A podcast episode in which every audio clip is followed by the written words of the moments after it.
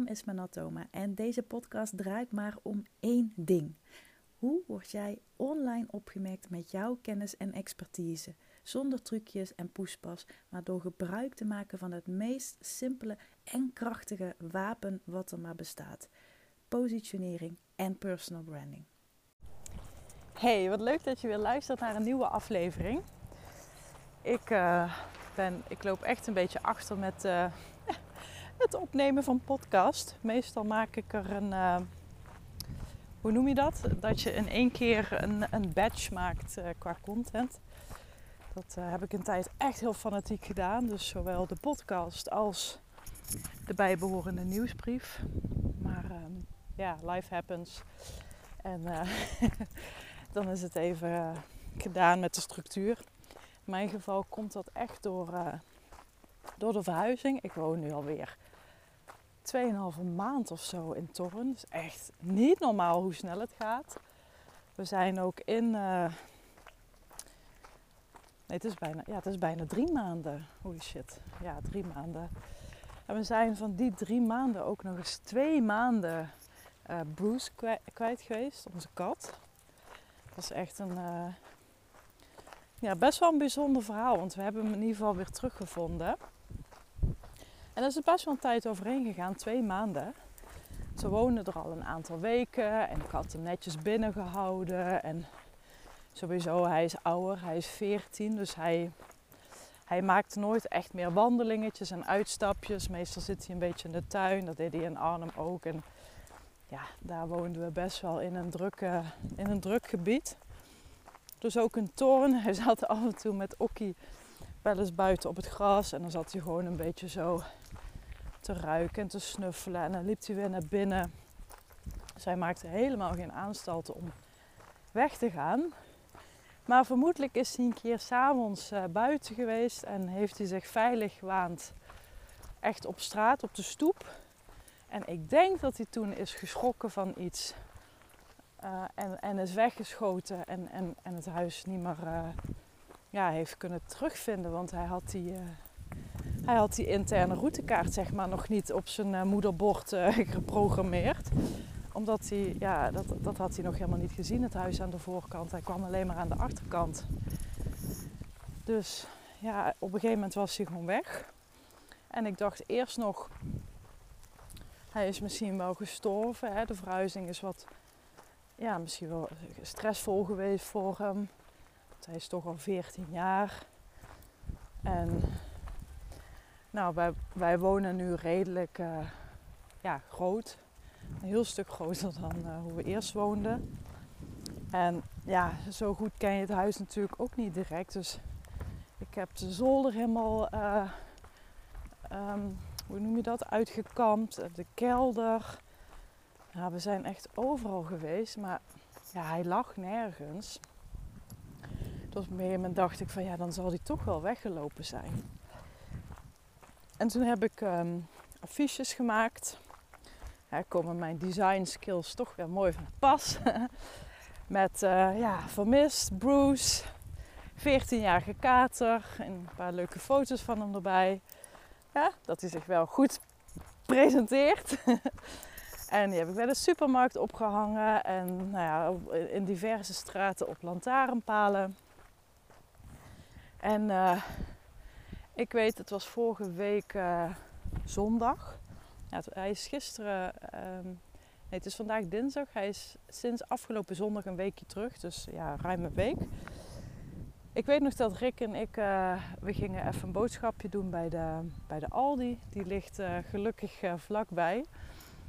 En uh, ik, ik, weet dat ik nog even heel bewust naar de poster keek die ik had gemaakt. Of het affiche wat ik had gemaakt. Het was helemaal verkleurd en vergeeld. En ik zei nog van, nou, zal ik hem weghalen? Maar toen dacht ik, ach, nee, wacht, wacht nog maar even. Ik laat hem nog heel eventjes hangen. Je weet maar nooit. En Rick die heeft altijd gezegd, nou, ik zie Broes er wel vooraan. Dat hij straks na een half jaar opeens weer uh, aanbelt voor de deur staat. Want, uh, Broes en Rick hebben sowieso een hele geschiedenis samen. Ik had Broes namelijk al toen ik uh, Rick leerde kennen.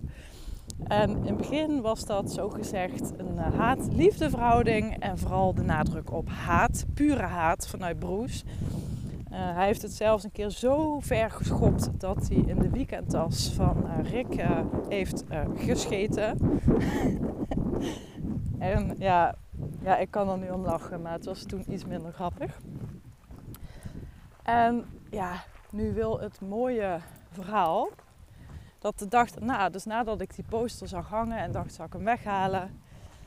Rick die ging een rondje fietsen en die zei van, uh, ja, ik neem geen telefoon mee, want ik heb geen zakje om het in te doen. Ik zeg, nou neem het toch maar mee, want ik, ik, ik ben zelf zo'n type, als ik zonder telefoon naar buiten ga, dan, uh, ja, dat, dat, voelt niet helemaal lekker, zeg maar. Dan voel ik me gewoon, uh, als er iets is, dan kan ik niet bellen.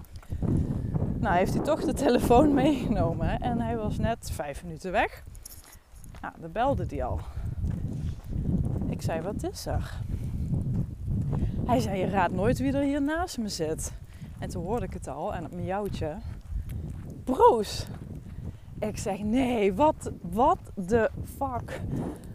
Waar? Uh, hoe is het met hem? Hoe kan dat? Hij zegt, nou, ik, ik wilde eigenlijk een andere route fietsen. En toen dacht ik, nou, ik, ik pak deze weg eens. Die heb ik nog niet gehad. De sightseeing toren. en hij pakte een weg die hij nog niet eerder had gehad. En uh, nou, daar liep hij toevallig. Stak hij over of daar zat hij. En hij is meteen gestopt en hij riep hem.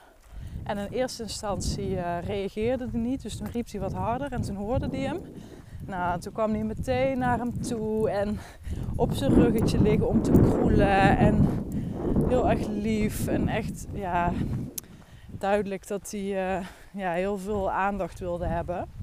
Nou, dus had hij mij in de telefoon. Ik ben meteen in de auto gestapt, er naartoe gereden. En het was ook echt maar, uh, ja, als ik had gelopen had ik er ruim 10 minuten over gedaan, denk ik. Dus hemelsbreed was hij heel dichtbij. Hij zat bij een bloemkweker. Dus waarschijnlijk heeft hij daar wel iets van water en zo kunnen pakken. En misschien af en toe een muisje daar gevangen in het veld. Maar hij was heel mager. is echt heel mager. Echt. En hij is altijd best wel een, uh, ja, een, flink mannetje geweest. En nu was hij echt wel, uh, voelde hij echt wel zijn ribbetjes. En, nou, dus eenmaal thuis toen ja, voorzichtig kleine beetjes eten gaan geven. En dat een beetje opgebouwd. En nu gaat het echt heel goed met hem. Hij is lekker de hele dag binnen, hij slaapt heel veel en tussendoor eet hij goed. Dus het lijkt goed met hem te gaan. Ja, best wel een verhaal. maar toch uh, deel ik dit verhaal niet voor niets. Ja, het eerste is natuurlijk, je moet altijd vertrouwen blijven houden, ook al is het moeilijk.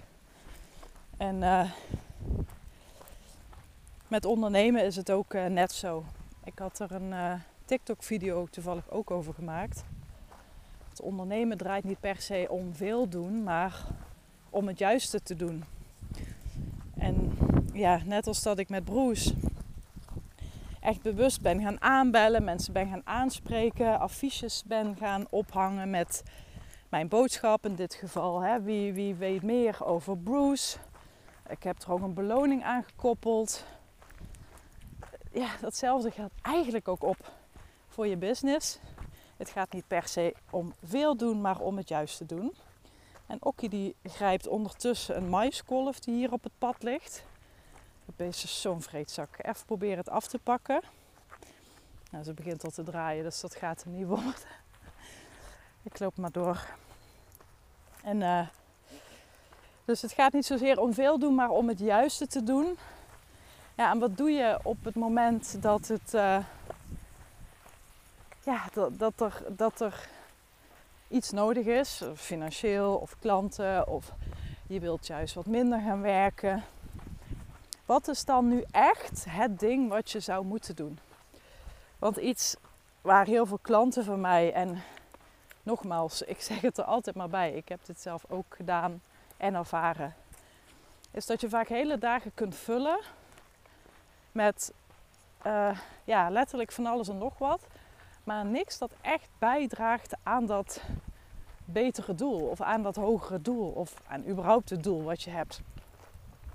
Net zoals dat ze met eten en, en goede voeding zeggen van ja, kies je voor vullen of kies je voor voeden. Dat vind ik ook wel een, Een mooie metafoor. Maar er is nog een reden waarom ik uh, dit deel. En dat is dat er natuurlijk vertrouwen nodig hebt. Maar dat je soms ook gewoon iets de tijd moet geven. En in dit geval klinkt het misschien een beetje raar, omdat ik natuurlijk niet echt broers de tijd heb willen geven om weg te lopen. Maar soms als mensen een bepaalde keuze maken of een bepaalde richting kiezen of van koers veranderen, wat vaak het geval is hè, als je jezelf gaat herpositioneren, dan kan het soms zijn dat je je even verdwaald voelt. Dat je even lost bent. Dat, uh, nou ja, dat je je even afvraagt van was dit nou allemaal zo slim? Of wat als het straks niet meer werkt? Dan heb ik mijn oude doelgroep al uh, gedag gezegd. Ja, dus dan ben je net als Broes, ben je eigenlijk helemaal niet zo ver van huis, maar je voelt je wel mijlenver van alles verwijderd. En dit is dus ook exact wat, uh, ja, als je jezelf gaat herpositioneren, wat er wel kan gebeuren. En dit is echt helemaal afhankelijk van welke keuzes je maakt. Hè? Maar als je echt een hele andere koers gaat varen, die echt totaal anders is, dan heeft jouw belanghebbend publiek en jouw ideale klant, die hebben gewoon tijd nodig om aan dat idee te wennen. Het is net als dat je een rockartiest bent en je hebt een bepaald repertoire en je gaat opeens klassiek, uh, klassieke muziek uh, spelen. Ik, ik, noem nu maar even iets. Ja, mensen pikken dat niet meteen. Hè? Dus ze hebben tijd nodig om, om aan dat idee te wennen. En als jij dan terugkruipt in, uh, in je schulp en niet het vertrouwen in jezelf en in je aanbod bewaakt en behoudt, ja, dan, dan ga je ervaren dat die nieuwe positionering niet werkt. En dan schrijf je hem eigenlijk al af voordat hij goed en wel de kans heeft gehad om, um, ja, om te rijpen. Net als een goede kaas of een goede wijn of een goed stuk vlees. Dat, dat heeft gewoon tijd nodig om, om te sudderen, om tot smaak te komen. Dus als mensen mij wel eens vragen van ja, hoe lang duurt het of wanneer ga ik de vruchten plukken van mijn aangescherpte positionering, dan is dat voor mij heel lastig om daar een, uh, een specifiek tijdslot aan te koppelen. Wat ik zelf ooit een keer in een boek heb gelezen is zes maanden tot 18 maanden, dus een half jaar tot anderhalf jaar. Daar moet je wel een beetje rekening mee houden voordat het echt goed en wel gaat draaien in een, als een geoliede machine. Maar het kan natuurlijk ook zo zijn dat als jij je vernieuwde positionering of je aangescherpte aanbod en je opgefriste boodschap, als jij die gaat delen, dat dan meteen vissen op beginnen te happen. Het is ook niet per se dat het een half jaar gaat duren voordat voordat je weer nieuwe klanten hebt. Dat is niet wat ik zeg. Het kan echt heel snel voor je gaan werken, maar nogmaals, dat hangt van verschillende factoren af. Uh, dat hangt bijvoorbeeld af um, van hetgeen je nu doet en van hetgeen wat je gaat doen of wilt gaan doen. En, en hoe groot dat verschil is ten opzichte van elkaar. Dus hè, denk even terug aan uh, een rockrepertoire versus een klassiek repertoire. Dat is nogal een gat. Maar dat hangt gewoon ook heel erg af hoe groot je publiek al is. Kijk, als jij in totaliteit 500 uh, mensen in je community hebt zitten of in je, in je, in je volgersbase, laat ik het zo noemen. Dus e-maillezers of Instagram-volgers, nou, noem het maar op, podcastluisteraars ja, als dat er 500 zijn, of het zijn er 5000. Want van die 5000 of van die 500, er is altijd een bepaald percentage wat uiteindelijk wel zal converteren. Um, iets wat ik ook leerde van, uh, van een van mijn coaches is: uh, first build your community of first build your tribe, then make your sales.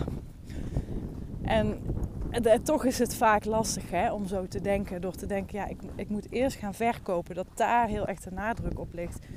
Het punt is, er valt weinig te verkopen als je gewoon geen uh, volgersbase hebt.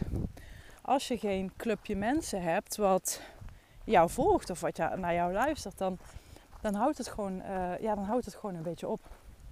Dus daar ligt het natuurlijk ook heel erg aan. En uh, het hangt natuurlijk ook heel erg aan jezelf. Want als jij een nieuwe weg inslaat en je denkt na een aantal meter, dit werkt niet en je gaat de auto stilzetten en je rijdt niet meer verder, dan kom je niet op je bestemming aan. En dan kun je denken, ja, het werkt niet. Maar nee, het werkt niet omdat je bent gestopt. Omdat je het niet de tijd hebt gegeven om te sudderen en om te rijpen. En ik weet dat dit misschien geen sexy boodschap is. Hè? Want in online ondernemersland en online marketingland. Hè, we willen allemaal binnen een zucht en een scheet 10k maanden draaien. En we willen allemaal direct een community van 100.000 mensen. En we, willen allemaal direct lovende reviews op onze Google, uh, op onze Google page. Maar ja, het punt is gewoon dat het niet zo werkt. En natuurlijk is er een enkeling bij wie het in één keer raak is. Of die toevallig iets zegt of doet wat, wat mega aanslaat. Maar ja, bij het gros van de mensen is dat gewoon niet het geval. En heeft iets gewoon tijd nodig. Echt tijd. En je moet het ook de tijd willen geven. En als je nu denkt, ja oké, maar stel dat ik met een andere positionering, een andere koers ga varen, een ander aanbod. Maar mensen happen niet direct daarop. Wat moet ik dan doen? Nou, ten eerste heel erg nadenken over wat zet je op het toneel en wat zit je in de coulissen. En dat wat je op het toneel zet, dat is gewoon jouw nieuwe klantsegment of jouw nieuw gekozen ideale klant, als je het liever zo noemt. Daar komt jouw nieuwe aanbod te staan, jouw nieuwe boodschap. Maar dat betekent natuurlijk niet dat je achter de schermen, achter de coulissen, niet nog bepaalde opdrachten of klussen kunt aannemen. Al is het alleen maar om wel je financiële doelstellingen van, uh, van de maand of van het kwartaal van het jaar te behalen. Want zoals ik net al zei, het is natuurlijk niet in een split second opeens omgezet als een soort elektriciteitsknop die je omzet. En mensen vinden het helemaal oké. En nogmaals, het kan. Maar ik ben liever eerlijk. en ik, ik help je misschien ook een beetje uit de online illusie van al die online sprookjesboomfiguren en hun mooie beloftes. En dat iets in de coulissen staat, of op de achtergrond, ja, daarmee bedoel ik dus dat je nog steeds oude projecten of oude klussen of oude klantgroepen kunt bedienen. Alleen naar voren toe, naar buiten toe, benoem je het gewoon niet meer zoveel. Ik zal je ook gewoon even een heel praktisch voorbeeld geven van mijzelf. Ik ben uh, ja, natuurlijk ooit als grafisch ontwerper begonnen. En op een gegeven moment wilde ik gewoon heel graag de overstap maken naar meer het strategische stuk erachter toen natuurlijk ook allerlei opleidingen, cursussen en dergelijke voor gedaan.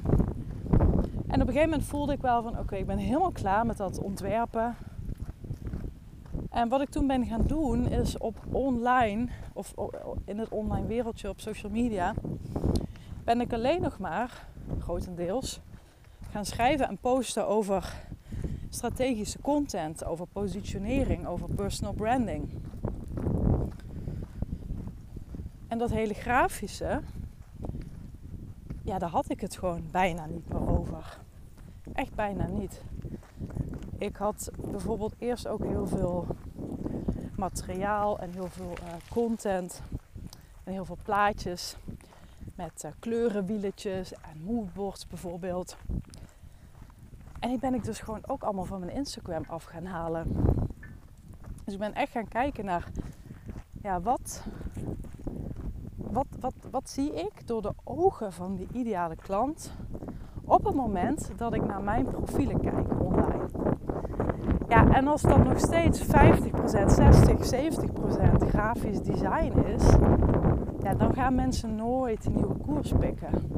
Want je zegt het één, maar ze zien iets heel anders. Dus dit is echt wat ik bedoel met ja, hoe, kun je, hoe kun je dit gewoon aanpakken? Dus ik heb ja, gewoon de boel opgeschoond, laat ik het zo uh, noemen.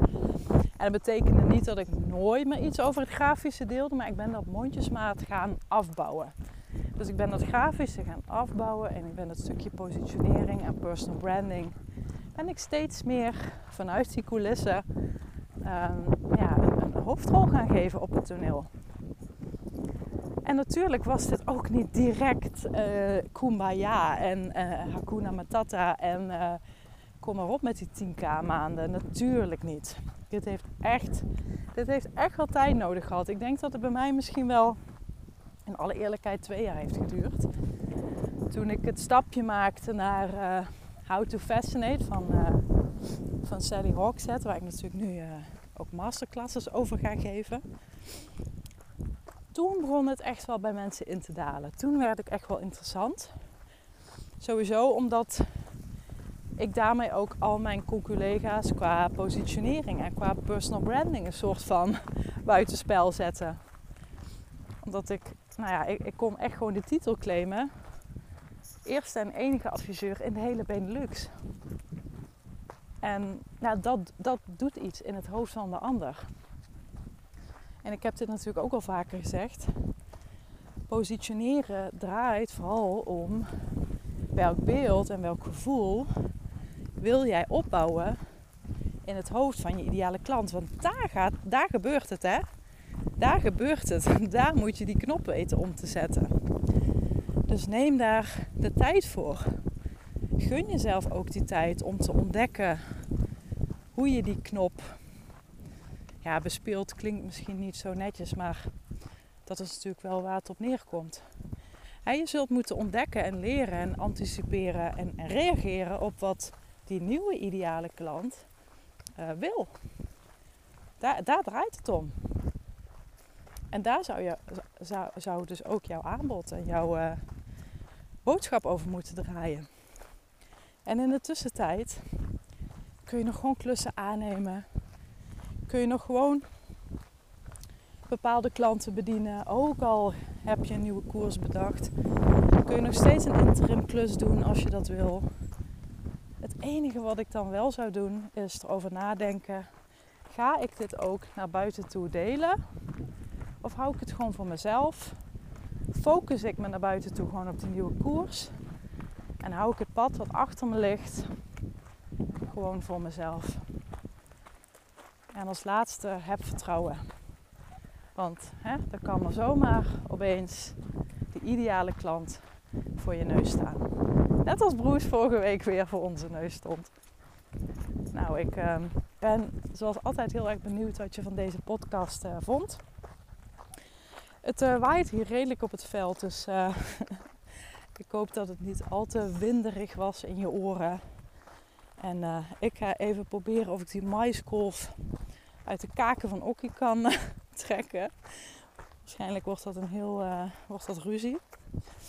Maar goed, we zullen zien.